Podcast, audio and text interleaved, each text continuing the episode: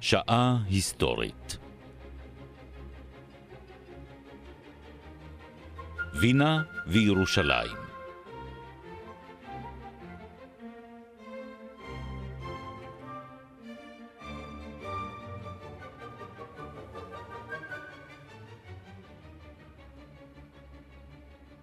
הפרופסור מיכאל הרסגור וליעד מודריק משוחחים על בנימין זאב הרצל.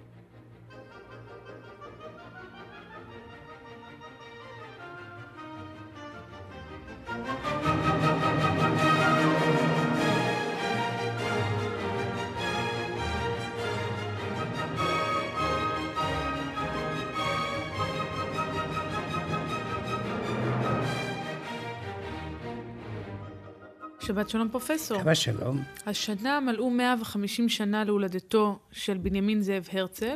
חשבנו... תיאודור. תיאודור. כן. לרגע אה, עצרתי. חשבנו שזו הזדמנות טובה להקדיש לו תוכנית. ללא ספק. מפני שזה איש חידות ואיש פנים רבות. ואני חושב שלא עשו לו צדק, מפני שמחוץ לעניין הציוני הוא עסק בכל מיני דברים אחרים. אבל גם העניין הציוני קיבל אצלו השתקפות מיוחדת במינו. וכאשר למשל הוא התחיל להתעניין בארץ ישראל, כל עולמו הפנימי השתנה. וכאשר למעשה הוא נסע בהולנד בתור עיתונאי, אז הוא כתב ביומנו, ואני רוצה להגיד שאני הקטן, כאשר מלאו לי 13 שנים, כמתנת בר מצווה, קיבלתי את יומניו בשלושה כרכים. וזה עשה לי רושם מוחץ. קודם כל הוא היה מאוד ישר, מאוד כן. והוא מספר על הנסיעה שלו בהולנד. הוא אומר ששם הכל מתחת לרמת הים. כן. והם הצליחו בכל זאת להקים מדינה מפוארת, גם אנחנו נצליח. Hmm. ואחרי זה שגריר גרמניה באוסטריה הזמין אותו לבוא לווילה שלו בצפון גרמניה. הוא נסע לשם, והוא כותב, אחרי הוא דיבר עם השגריר, כל מיני עניינים פוליטיים עם הציונות, והוא כותב בשולי השיחות, האדמה בצפון גרמניה היא חולית, ואין עתיד לחקלאות, ניבאו לו. אבל ראיתי שהשגריר הקים משק מפואר, סימן שגם ארץ ישראל, שאומרים עליה שקרקע היא חולית, יכולה להיות מקום להתפתחות חקלאית מאוד מוצלחת. תכף נדבר על הרצל האדם וגם על הזרם בציונות שהרצל הוביל, אבל קודם מבחינה היסטורית אולי צריך לעשות צדק. הרצל הוא לא הציוני הראשון, הוא חוזה המדינה, אבל היו ציונים לפניו. כן, אבל אני רוצה להגיד לך שלהשוות אותם עם האמצעים הדלים וההצעות הצנועות שלהם, עם העובדה שהוא כתב מדינת היהודים, יודנשטאט, זה הבדל יסודי. כמובן, שבתאי צבי גם כן היה איש שהוא ציוני מוקדם. כן, וגם משיח שקר. ועד אשר התאסלם. לפחות זה לא קרה להרצל. אנחנו מדברים בעצם על סוף המאה ה-19. כן. אירופה נמצאת מצד אחד בעיצומו של תהליך לאומי ברחבי המדינה. בעיקר במאה ה-19. זה היה הפריחה הגדולה של הרעיון הלאומי, המהפכות לאומיות, 1848, ואין ספק שהרצל הושפע על ידי העניין הזה. ברחבי רוסיה מתחילות לצוץ כל מיני אגודות, חיבת ציון. כן, לא, בהחלט. אבל ההבדל בין הרצל לבין האגודות הללו זה שהם לא הגיעו לרעיון פוליטי. הם היו פילנטרופים. נעזור ליהודים להתיישב, לגדל כיתה, או מי יודע מה, קקטוסים. ו... אבל אצלו זה היה עניין של מדינה. הרצל בעצם הביא את המהפך התודעתי. כן, היסודי. הוא עצמו, צריך לומר, בן למשפחה מתבוללת. מתבוללת, אבל אני גיליתי זה מאוד מעניין. אחד מקרוביו, כלומר מדודיו, לחם למען עצמאות סרביה וזמון. הם היו אמנם בבודפסט, אבל מוצאת המשפחה הייתה בזמון, שהיא היום עיר בסרביה. וסרבים התקוממו נגד העול העות'מאני, ולחמו לעצמאות סרביה, כדי שהושגה עד הסוף. על כן משפחתו של הרצל, הדור הקודם, לא היה כל כך זר לבעיות הלאומיות. והיה לו ניסיון מסוים, כנראה שהרצל ידע על העניין הזה, מפני שהוא מציין שהקברים של דודיו נמצאים בזמון, אותם הדודים שלחמו למען עצמאות סרביה. לא היו זרים לרעיונות הלאומיים, אבל כן היו זרים אה, ליהדות, בעיקר ליהדות הדתית. דתי, האישית, הצנועה, זה אילו היה דתי, הציונות לא הייתה קמה. עד כדי כך. בוודאי. שדתי היה צריך לקבל אות מגבוה, ואות גבוה הוא לא קיבל, מפני שהוא היה אתאיסט. והוא אומנם נפגש עם יהודים בבתי כנסת, מפני שזה היה מקום המפגש של יהודים באותה תקופה. ובאמת היו רבנים שהתקוממו מאוד על הרעיון הציוני, אבל כדי, אה, שוב, לעשות צדק, היו גם כאלה שתמכו. תסלחי לי, בהתחלה כולם התנגדו, פה אחד, בינינו ובין עצמנו. לעזוב את וינה עם הוואלצים והסלונים, ללכת לארץ ישראל במדבר עם הקקטוסים, זה לא מושך. מי היו הוריו של הרצל? מאיזו משפחה הוא מגיע? הם היו סוחרים, כלומר, אביו היה סוחר, ואמו הייתה לגמרי מתבוללת בתרבות הגרמנית, ורצתה שהבן שלה וכל המשפחה שלה יהיו גרמנים הגונים בתוך אידיאל חברתי, והעניין הזה הציוני קצת הפריע לה, ובעיקר הוא הפריע לאשתו של הרצל, שלא גילתה כל עניין בעניין הזה, אם כי הרצל עצמו לא רק הקדיש את חייו, הוא גם הקדיש חלק של כספו, לעניין הפרטי שלו. כן. זה, זה, לפי דעתי זו דוגמה יפה מאוד לבניינים של היום, hmm. שלא חיים על חשבון המדינה, אלא המדינה חייתה על חשבונו. המדינה בדרך כמובן. כן. תשטוף את העפר מן העיניים, בנימין זאב. תשטוף את העפר מן העיניים, שים יד על הלב, ותגיד לי, ככה ראית, ככה חזית, ככה רצית, אני לוקח שטר של מאה, מביט על התמונה, אני מביט היטב עליך, חוזר המדינה, יהודי יקר כזה, עם זקן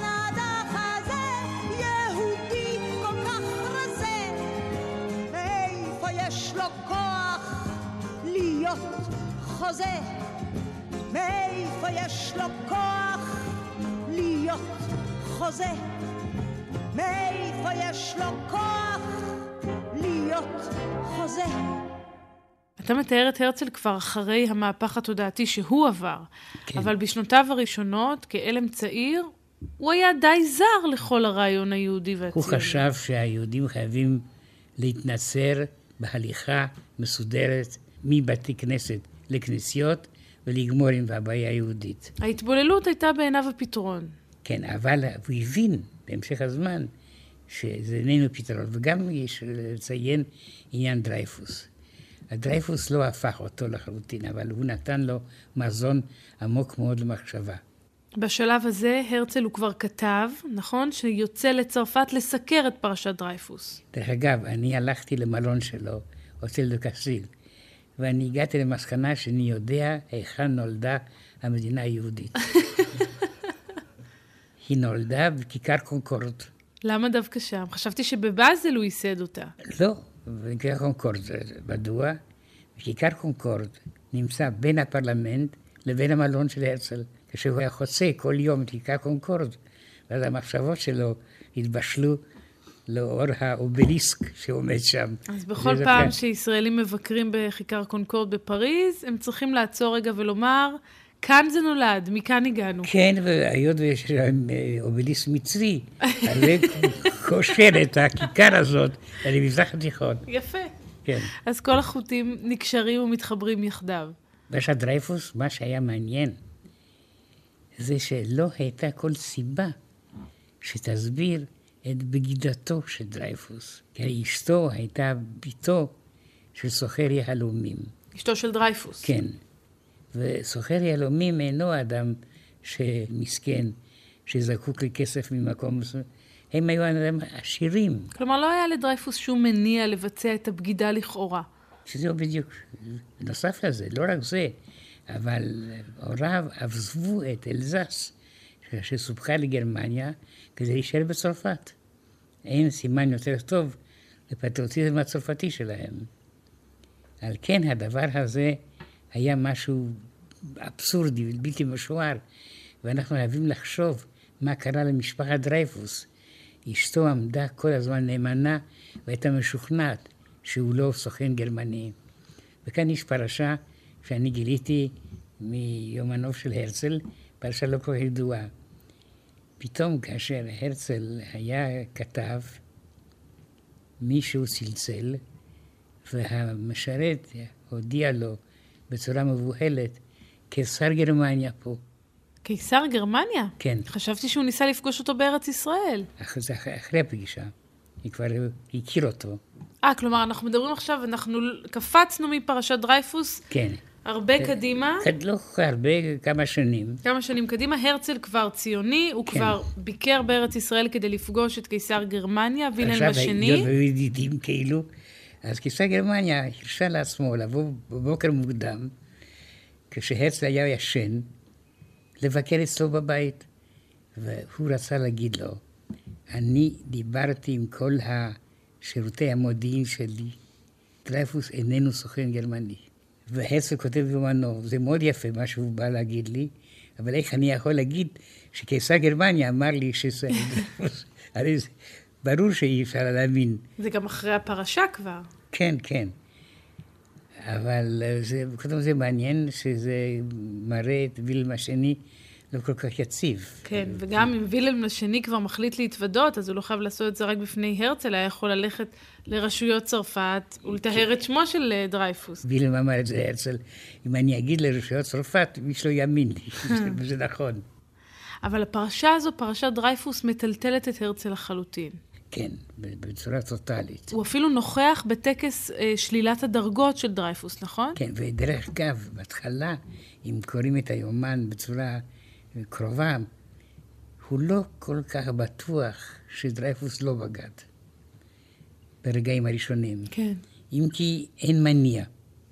אי אפשר להסביר מדוע האיש כזה שהצליח בכל, עשיר, מוצלח, ודרך אגב, הוא היה קצין מאוד מוצלח, וזה עורר גם קינה כן. בין הקצינים האחרים. וזה מסביר גם יחס השלטונות הצרפתים. למה שהוא ישרת את גרמניה, כאשר הוא יכול להצליח מאוד בצרפת?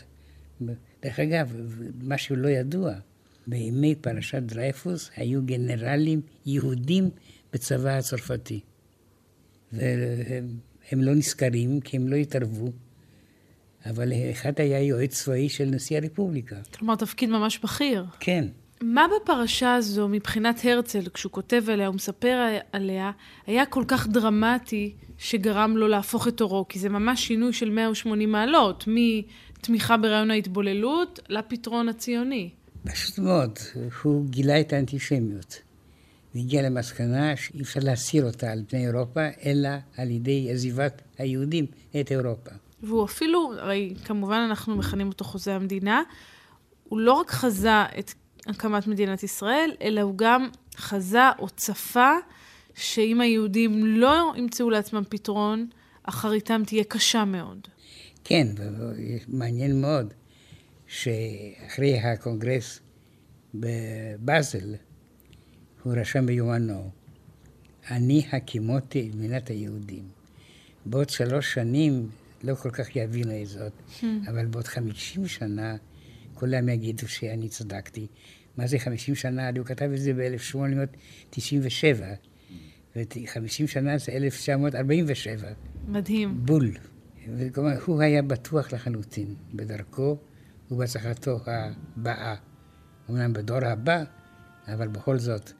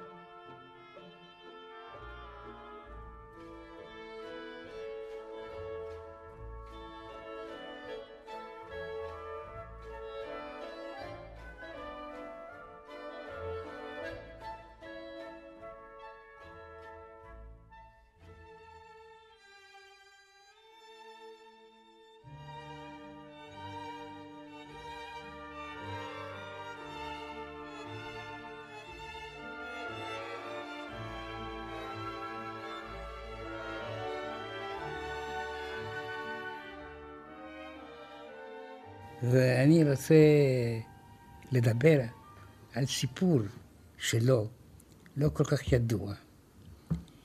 באמצע הפשרה, אחרי הקונגרס הציוני הראשון, הוא פתאום התיישב וכתב סיפור על יוון העתיקה. והסיפור הזה כאילו איש לא מבין. מה הקשר? מה, מה הקשר. הסיפור הוא מאוד יפה, ושמו זה סולון בלידיה. מי זה סולון? מה זה לידיה? סולון הוא מחוקק אתונאי 600 שנה לפני הספירה. לידיה היא אנטוליה של היום.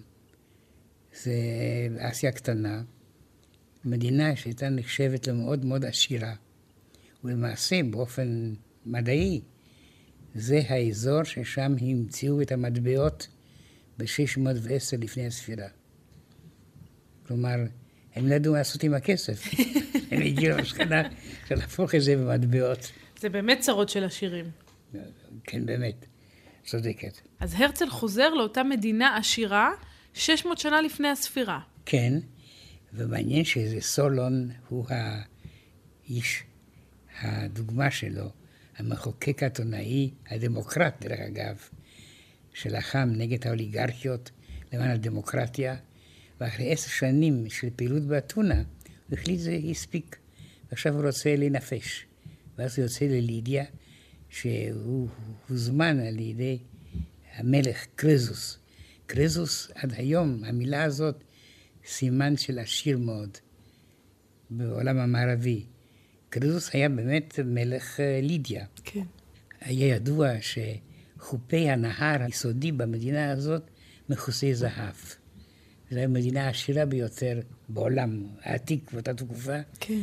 ועל כן היה מאוד מעניין לראות מה יקרה כאשר סולון, המחוקק הדמוקרט, הוזמן על ידי המלך העשיר מכל. וכאשר סולון מגיע לחצר, מודיעים לו שקרה דבר פנטסטי. מה? אדם אחד המציא את הקמח. את הקמח? כן. הוא מסוגל להעמיד לרשות המלך כמויות אינסופיות של קמח. והבחור הזה הוא צעיר, האלים חייכו לו והעניקו לו את המתנה הזאת, ועכשיו הוא לא רק מתקרב לקרזוס המלך, אבל הוא התאהב בביתו של קרזוס המלך, וביתו רוצה להיות אשתו של הבחור. נשמע טוב. כן. ואז בא סולון, והמלך קרזוס מספר לו את הפרשה הזאת, הפנטסטית, של אדם שהמציא את הקמח, והוא שואל אותו מה לעשות. והסולון משיב, להרוג אותו. להרוג אותו? כן. וזה הרעיון של הרצל. זאת אומרת, אדם חייב להתפרנס. אפשר ליצור בזיעת אפו, אבל אי אפשר על ידי נס. אין דרך קצרה לרווחה ואין נס. אלא מה? אם הקמח יהיה חינם, אנשים לא יעבדו, והם לא יעבדו, הם יתנוונו. אבל כן, העמל הוא-הוא סוד המדינה. זה מאוד מעניין, מפני שזה משקף למעשה את עמדתו של הרצל לגבי כל מיני תורות סוציאליסטיות. והוא למעשה, בגלל העניין הציוני, הוא לא נקט עמדה בריב הגדול בין שמאל וימין באירופה. אבל הסיפור הזה וכל מיני רמזים אחרים מראים שהוא היה אדם שמאלי, מפני שהוא ראה את העמל, היסוד החברה. זה מעניין, כי בדרך כלל כשמדברים על מורשתו של הרצל, פחות מתייחסים לעניין הזה של העמל. נגיד, מי שמייצג הרבה יותר ממנו את קידוש העבודה וראייה בערך, זה מישהו כמו א' ד' גורדון. הרצל נתפס בתור מי שמייצג באמת את רעיון הציונות המדינית, הקמת המדינה, מהלכים פוליטיים שיובילו להקמת המדינה, איחוד העם היהודי, כל הדברים האלה, וכמובן גם דמותה של המדינה, כפי שהוא מתאר אותה, אה, מדינה חילונית וכיוצא באלה. פחות מושם הדגש על המקום של העמל הפיזי בכתבים שלו, במורשת שלו. כן, בגלל זה אני חושב שהסיפור הזה נכתב כדי להביע את מחשבתו העמוקה בעניין זה. וסוף סוף הוא ידע שבמדינה לא נבנית על ידי קונסטיטוציות, אלא העם חייב ליצור חיים חומרים. ועל כן הסיפור הזה לפי דעתי הוא מאוד מאוד מעניין, מפני שהוא חושף את המחשבה העמוקה של הרצל על הבעיה החברתית. בהחלט מעניין. כן. והרצל מוביל את הזרם באמת, כפי שהזכרתי קודם, שנקרא הציונות המדינית. כן. בניגוד לציונות המעשית. כן, אבל אל תשכחי שהציונות לבשה מיד אחריו דמות מאוד שמאלית. למעשה הציונות שהקימה את היישוב כאן בארץ היו אנשי פועלי ציון, שמאל או זרמים אחרים, סוציאליסטים של התנועה הציונית. ועד 1977 הציונות לבשה, אפשר להגיד, שמלה סוציאל דמוקרטית.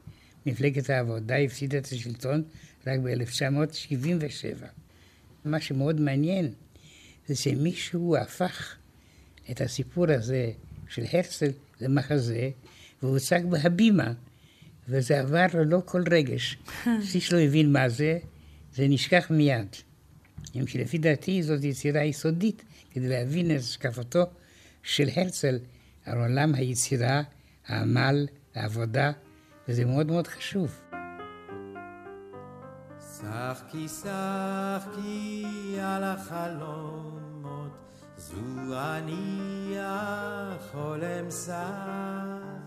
שחקי כי באדם אמין, כי עודני מאמין בך. שחקי כי באדם אמין, כי עודני מאמין בך.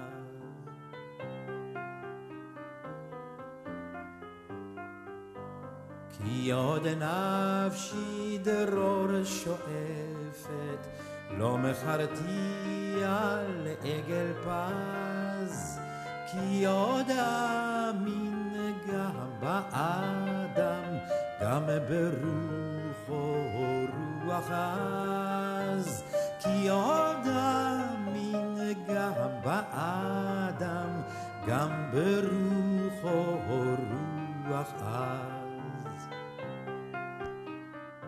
הרצל עצמו היה מחזאי, עוד לפני הפרויקט הציוני. כן. אם כי לא מאוד מאוד מצליח. לפי דעתי, כן מאוד. זה, זה, המחזות שלו הוצגו בכל התיאטראות של העולם דובר גרמנית, זאת אומרת, לא רק גרמניה, לא רק אוסטריה, אפילו גם צ'כיה. והוא כתב קומדיות, מה שנקרא גמיט, בגרמנית זה נקרא לא טרגדיות, לא משהו מותח עצבים, אלא משהו שנגמר בצורה חיובית. יותר קליל. קלים, כן. אבל הוא עצמו, הרצל, ביומנו, ביומן הזה הוא לפי דעתי מעיין יוצא מן הכלל כדי להבין אותו במחשבותיו. הוא מביע שם בצורה מרומזת צער שהעניין היהודי, כפי שהוא קרא כן. לציונות, מנע ממנו להמשיך בקריירה שלו הספרותית באוסטריה-הונגריה. כי צריך לומר, מהרגע שבו הוא עובר את אותו שינוי תודעתי, הוא מתגייס כמעט לחלוטין למפעל הציוני. כן. יש אפילו חברים שלו שאומרים לו, עצור, אתה מגזים, אתה פוגע בבריאותך, אתה פוגע במשפחתך, והוא לא מפסיק. בגלל שהמשפחה, אמנם אביו היה בסוף חיובי התייחס לזה, אמו לא כל כך הבינה, ואשתו הציונות שיממה אותו. ובעיקר כשהוא התחיל אפילו להקריב מכספו הוא לתנועה הציונית. אתה מזכיר את אשתו, צריך לומר שמבחינת החוויה המשפחתית לא היה קל בבית הרצל. הוא לא בגד בה. הוא לא בגד בה, אבל לפחות לפי הסיפורים והתיאורים, היא הייתה אישה לא מאוד יציבה. הוא לא היה בבית, היו הרבה מצבי רוח. גם הילדים, אם אנחנו בודקים את ההמשך של הסיפור המשפחתי של הרצל, גם הם לא סיימו טוב את חייהם. כן, אין למעשה נצר למשפחת הרצל. הנס הרצל, הבן היחידי של הרצל. היו לו עוד שתי בנות. שתי בנות. לא היה הצלחה גדולה מאוד. הוא אמנם קוים על ידי התנועה הציונית, שהיא בו יורש העצר של המייסד, אבל הוא בעצמו היה מאוד לא יציב. הוא התנצר, קודם כל קתולי, אחרי שהוא עזב את הדת הקתולית, בא לדת הפרוטסטנטית. ואחרי זה אחותו הייתה בבורדו בצרפת והתאבדה. ואחרי זה הוא ביקש מן השלטונות שהוא ייקבר, הנס הרצל, ייקבר ביחד באותו קבר עם אחותו, והוא התאבד. והאחות האחרת ילדה בן, שהוא היה למעשה האדם המוצלח ביותר, hmm. המוצלח היחידי בין צאצאיו. הוא שינה את שמו לנורמן, הוא היה קצין בצבא ארצות הברית. הוא היה גם ציוני, היחידי בין צאצאי הרצל הוא היה ציוני.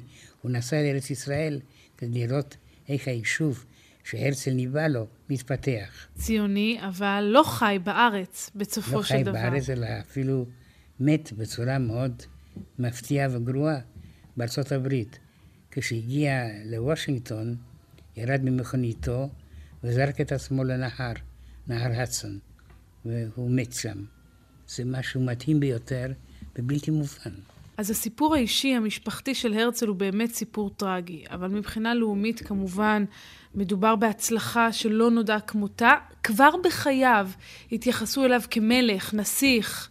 אבל הוא גם כתב בצבא של ביתו שהוא רוצה להיות קבור בקבר אביו, עד שהעם היהודי יחזיר אותי לארץ ישראל. כלומר, הוא ידע שזה יקרה. וזו ההוכחה הטובה ביותר באמונו העמוק במפעלו.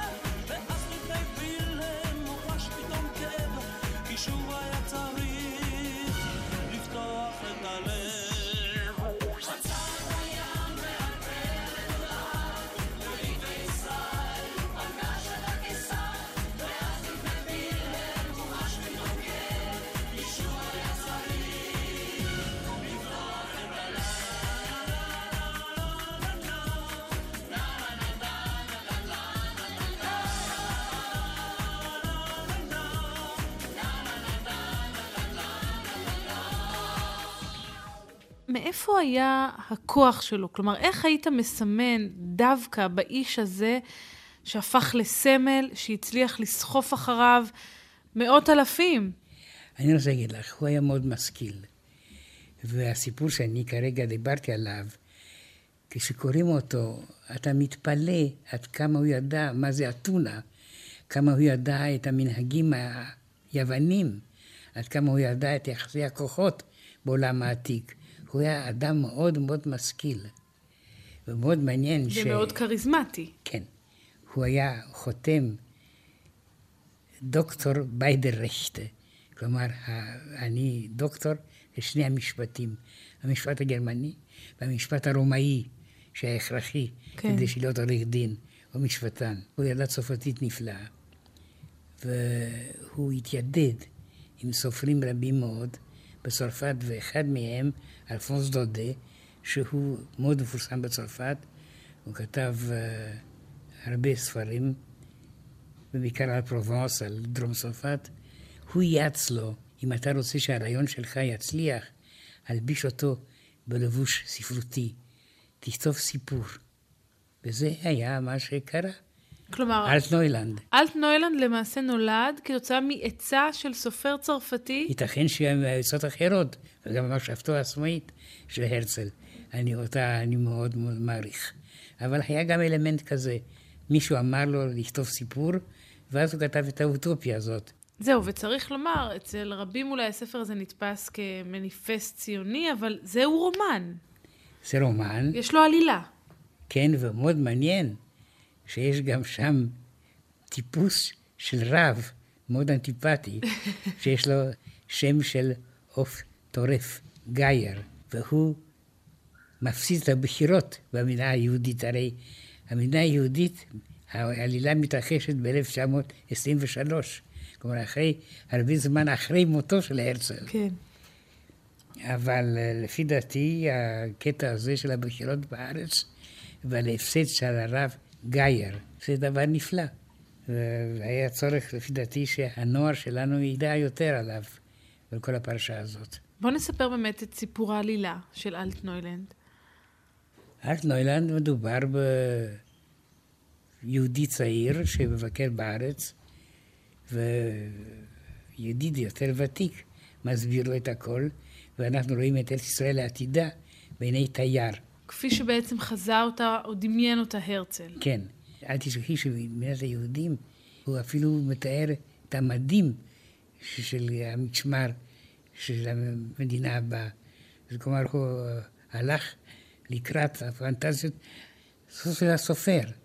ועל כן הספר הזה הוא לא רק מציאותי מאוד, כי סוף סוף מדינת היהודים קמה, כפי שאנחנו יודעים, אבל הוא גם צבא קם, וכל זה כבר היה בעליונותיו של הרצל. המדים זה כבר לא אלה מתאימים. גם הדגל זה לא הדגל שהוא רצה. אבל הדגל זה גם כן מגן דוד, זהב, על רקע לבן.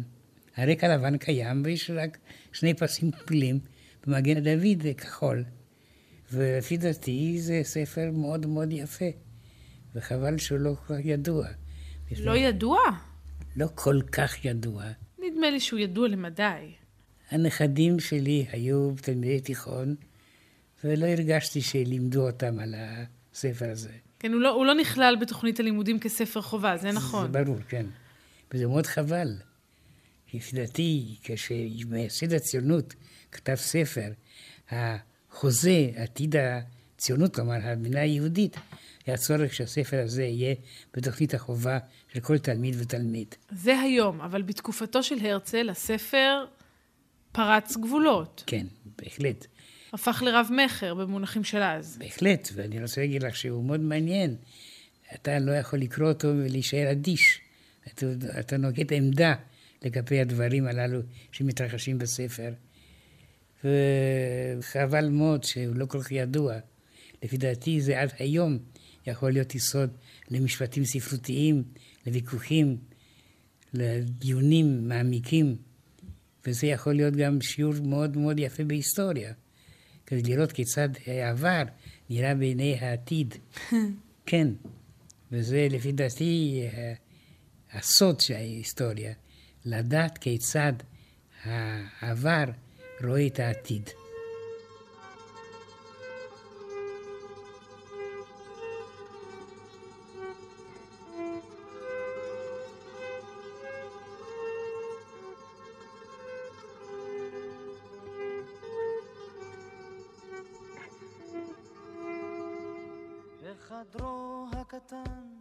במלון הישן, ישב גבר צעיר, שחור שיער וזקן, ישב וכתב רעיון מטורף, מדינת היהודים קום תקום. הוא ידע לחלום ולהרעיב אנשים, אך ידע שצריך כל חלום להגשים, ולכן הוא כינס את עמו לקונגרס ודיבר עליהם ציונות. אמר להם אני, תסלחו לי ציוני, זה אולי לא הגיוני, אבל זה מה שאני. הוא אמר להם אני, תסלחו לי ציוני, זה אולי לא הגיוני, אבל זה מה שאני. יש אבל חידה מסוימת בסיפור של הרצל. יש לנו כאן בחור, בסך הכל פרטי, צעיר למדי, שמחליט שהוא רוצה לקדם את העניין הציוני. ובתוך זמן לא רב, הוא הופך להיות למנהיג הבלתי מעורער של התנועה הציונית. לא רק זה, אבל הוא מנהיג של המונים. איך זה קורה? איך מהסלון הקטן בווינה הוא מגיע לכינוס הקונגרס הציוני הראשון? קודם כל, הוא לא כך צנוע. ודרך אגב, המשרד שלו הוקם בירושלים על ידי הסוכנות היהודית. זה חיקוי המשרד שלו. וראיתי שזה משרד מאוד יפה וגדול. כן, בוא נאמר, זה לא הצריף של אה, לא בן צבי ולא בן גוריון. בדיוק. הוא חי את חייו בסטנדרטים המערביים, בולגני, אבינאיים. וינאי, כן. אבל איך הוא מצליח בעצם, אה, במובן מסוים, להקים את התנועה הזו, או להשתלט על, על ניצני התנועה שכבר קיימים? הרי כפי שאמרנו, היו חובבי ציון לפניו. הוא מצליח לאגד אותם, ליצור את הקונגרס, הוא הופך את עצמו לנציג היהודים, נפגש עם הסולטן, עם קיסר גרמניה. איך הוא עושה את זה בפועל? עם האפיפיור. עם האפיפיור. איך הוא עושה את זה? מפני שהוא הבין שזה הרגע הגדול להקים את הרעיון שעד עכשיו איש לא העז לדבר לטובתו. ואני רוצה להגיד שאני משווה אותו עם אדם אחר, גם כן יהודי, גם כן גרמני, קרל מרקס, אשר דומה להרצל, כתב פתאום ב-1847, לפני המהפכה של 48, ספר, המניפסט הקומוניסטי, שהוא למעשה ספר נבואי, מפני שהוא מתאר את המאבקים הבאים, אשר עד הסוף יגיעו לאן שיגיעו. אני לא רוצה להביע דעה בעניין זה, אבל הנה דוגמה אחרת, שהיא, לפי דעתי, מגבילה ומסבירה את התנועה של הרצל, ואני בטוח שהרצל ידע על קרל מרקס. אתה מדבר על החיבור של הרצל לארץ ישראל, אבל הרצל גם כמובן נודע כמי שהציע את תוכנית אוגנדה. כן, זה למעשה תוכנית שהוא ויתר עליה וחזר בו מן הסכמתו. קודם כל זה עורר התנגדותם של ציוני ציון, ובין לבין עצמנו, אני לא רואה את עצמי היום באוגנדה. אבל מבחינת הרצל, כשהוא הציע את ההצעה, הוא ראה בזה הפתרון הכי טוב הקיים ולא רצה לוותר. מפני שהוא ראה זה סוף סוף מעצמה גדולה, אנגליה, האימפריה הבריטית, לוקחת בחשבון את הרעיונות שלו, ובמובן מסוים הוא צדק, מפני שהאימפריה הבריטית היא זאת זאת אשר תבוא עם ההצעה של בית יהודי לאומי. אתה מדבר על הצהרת בלפור. כן. כלומר, הוא הבין מאוד מאוד שהאימפריה הבריטית זאת הכתובת. אבל כשהוא מציע את תוכנית אוגנדה, זה יוצר שבר עמוק בתנועה הציונית. כן, כי אבל... כי הנה בא אותו מלך, מנהיג בלתי מעורער, הוא מציע רעיון שעומד בניגוד מוחלט לאמונתם המאוד חזקה של חלק מהחברים. אוגנדה לא אמרה שום דבר להמונים היהודים. שידעו על ירושלים, ידעו על עץ הקודש. אוגנדה אפילו לא, את השם הזה לא היה ידוע. אבל הוא ויתר על זה. כן, אבל אני שוב מנסה להתחקות אחר שורשי הרעיון מלכתחילה. זה בעצם מייצג, אני חושבת, את העובדה שהרצל היה באמת אדם חילוני, שמה שעניין אותו זה הפתרון המעשי לבעיית היהודים כפי שהוא ראה אותה, פחות החיבור הזה לארץ הקודש וכל מה שהלך איתו. כן, אבל הפרשה הזאת הוכיחה לו שיש צורך לשמור על הקשר הזה עם ארץ הקודש, מפני שזה הדבר שיכול להלהיב המוני יהודים הרבה יותר מאוגנדה.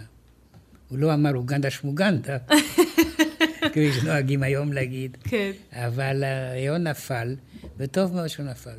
אז אנחנו חוזרים שוב לרעיון ארץ ישראל, וכשהרצל מתאר באלטנוילנד את ארץ ישראל, הוא לא מתאר אותה כארץ ריקה מאדם, הוא מתייחס לתושבים הערבים, יש שם דמות אפילו של אה, תושב ערבי שכמובן מקבל... חיפה, מהנדס ערבי מחיפה, כן. שמקבל בזרועות פתוחות את היהודים שם. כן, לפי דעתי, התקווה הזאת אה, תתגשם בעתיד. אתה עוד אופטימי, ללא שגם ספק. החזון הזה יתממש. כלומר, יהיו ערבים אשר אנחנו נתנהג טוב אליהם, הם יתנהגו טוב אלינו. אבל הרצל, כשהוא מתאר את הדמות הזו, זה מעיד על כך שהוא לא מודע לבעיה הערבית שקיימת בארץ ישראל? כששאלו אותו מה עם התושבים הנוכחים, כן. הוא השתמש בביטוי אנגלי, mixed multitude, כלומר, המון מעורבב. אבל הרומן שהוא כתב, ושאת מציינת אותו, הוא הבין שיש אוכלוסייה ערבית, והוא קיווה שהיחס בין האינטלקטואלים היהודים והאינטלקטואלים הערבים במדינת היהודית הבאה תוכל לפתור את הבעיות.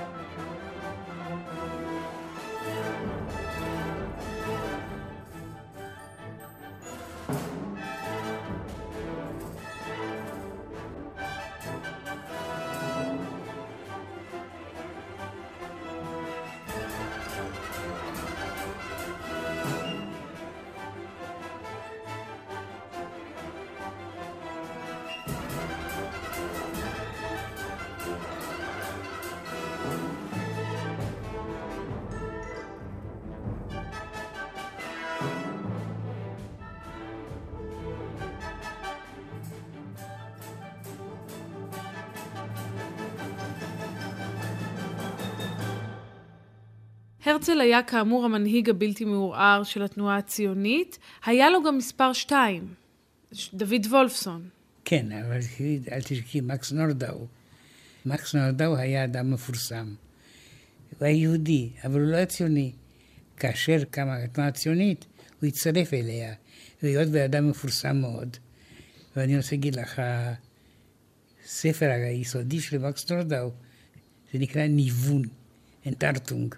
ולמעשה הוא תוקף את כל האמנות המודרנית, ואי אפשר להזדהות עם הספר הזה, אבל זה עשה לו שם, והעובדה שהרצל יכול היה לגייס אדם כל כך ידוע לצידו, זה כמובן לטובת העניין.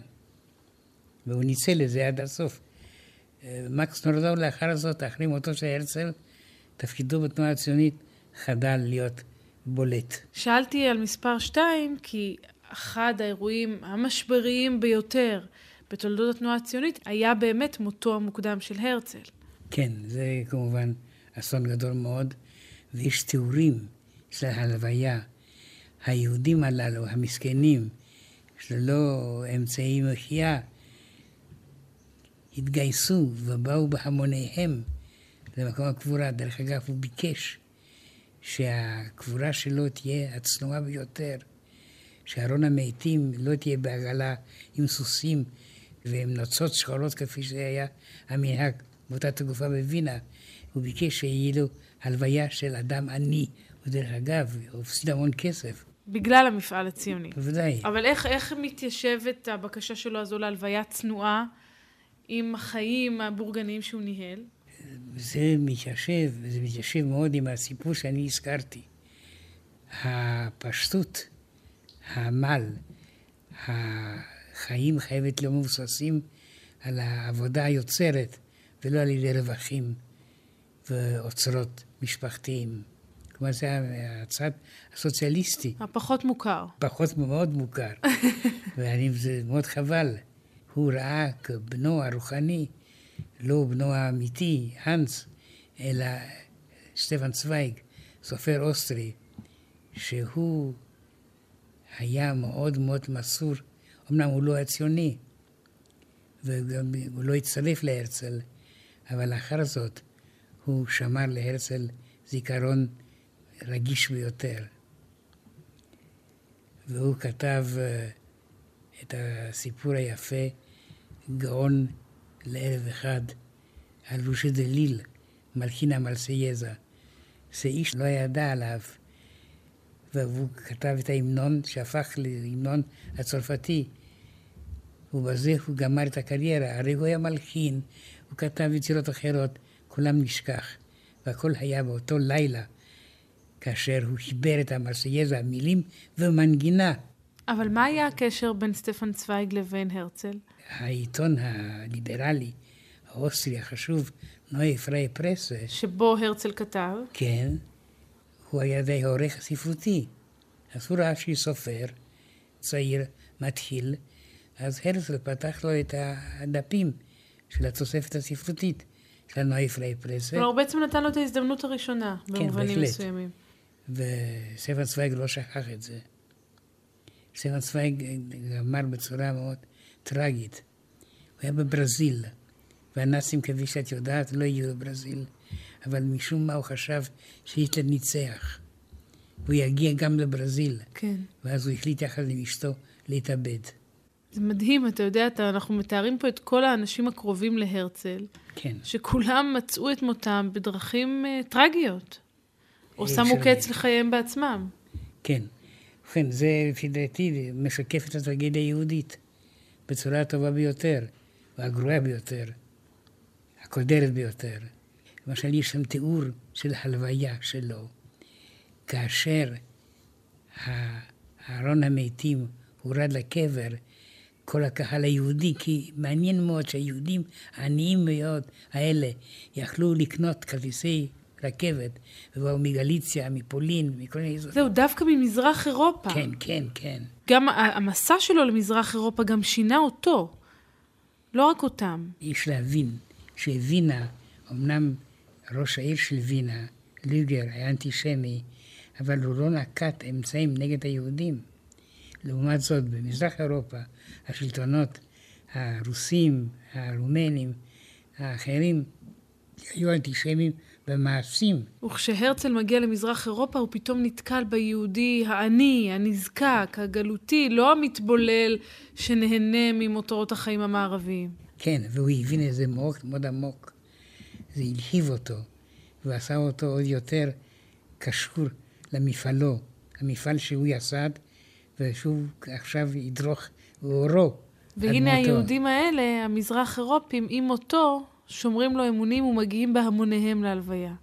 כן, ועד הסוף יגיעו לא בהמונים, אלא בצורה יותר צנועה לארץ ישראל. אנחנו ממש לפני סיום, אני חייבת לשאול אותך, אף על פי שזו לא שאלה היסטורית, ובכל זאת נדמה לי שתהיה לך תשובה.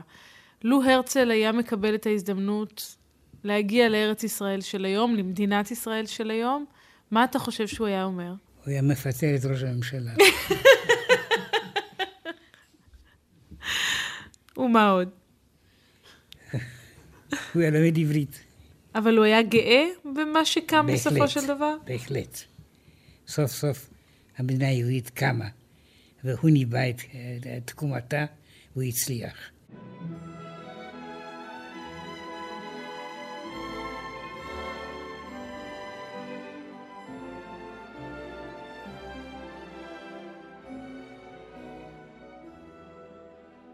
שעה היסטורית.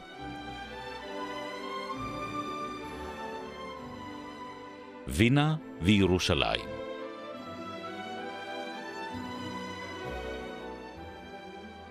הפרופסור מיכאל הרסגור וליעד מודריק שוחחו על בנימין זאב הרצל.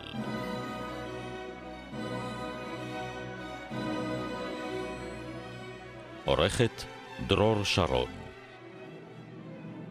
ייעוץ מוסיקלי, עמליה רוזן. ביצוע טכני, בני יהודאי, עידו פוזננסקי ואסף סיטון.